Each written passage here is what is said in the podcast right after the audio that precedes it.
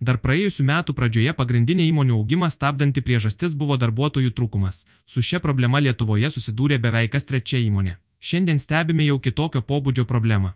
Laisvų darbo vietų užregistruota mažiausiai per dešimtmetį, o nedarbo lygis pradėjo didėti. Įdomu tai, kad prieš pusantrų metų buvo registruota rekordiškai daug laisvų darbo vietų - virš 30 tūkstančių. Tuo pat metu žimtumo tarnyboje buvo užregistruota daugiau nei 150 tūkstančių bedarbių, kurie niekaip negalėjo arba nenorėjo užimti tų laisvų darbo vietų. Kodėl ne tuo met, kai rekordiškai didelė dalis įmonių negalėjo surasti darbuotojų, nedarbo lygis vis tiek siekia apie 6 procentus. Daugelie pažangių vakarų valstybių nedarbo lygis taip pat buvo panašus ar nedidesnis nei Lietuvoje, tačiau yra ir siektinų pavyzdžių. Šiuo metu Norvegijoje nedarbo lygis siekia 3,6 procentus, Čekijoje 2,6 procentai, o Šveicarijoje tik 2 procentai. Deja, Lietuvoje turime ryškę taip vadinamą struktūrinio nedarbo problemą - atotrukį tarp rinkos poreikių ir bedarbių galimybių. Dėl to vienu metu daugeliu įmonių trūksta darbuotojų, bet tūkstančiai bedarbių negali susirasti darbo.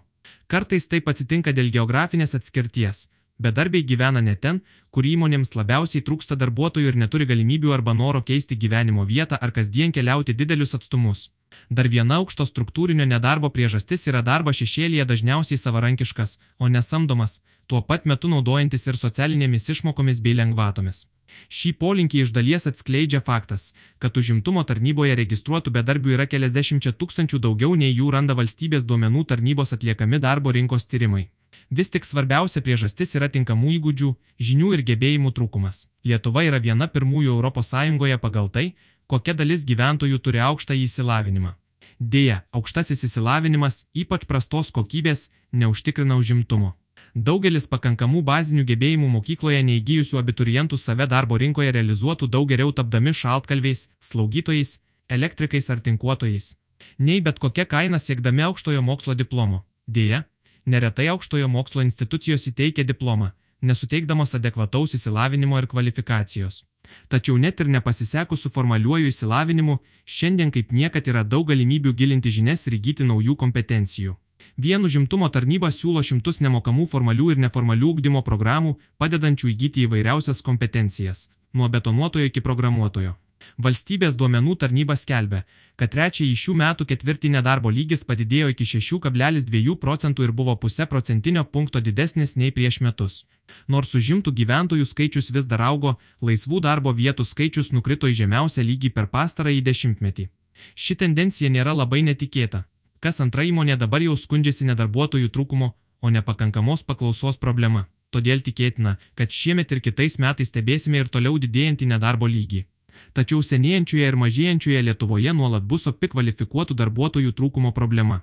Iš dalies šią problemą spręs įsibėgėjanti automatizacija, robotizacija ir dirbtinio intelekto įdarbinimas. Tai matome jau dabar. Per dešimtmetį Lietuvos pramonėje dirbančiųjų skaičius sumažėjo, tačiau gamybos ir eksporto apimtys padvigubėjo. Dar vienas demografinių ir darbuotojų trūkumo problemų sprendimo būdų, kuriuo naudojasi daugelis pažangių valstybių, yra imigracija. Lietuvoje pastaruosius keliarius metus grinoji migracija jau buvo teigiama. Deja, dažniausiai tai buvo žemesnės kvalifikacijos darbuotojai, rečiau padėję įmonėms, kurioms trūksta programuotojų ir inžinierių. Kai kurių ES šalių patirtis rodo, kad be tinkamos atrankos, kvalifikacijos tobulinimo ir integracijos politikos vietoje abipusės ekonominės naudos atsiranda nepageidaujami šalutiniai efektai.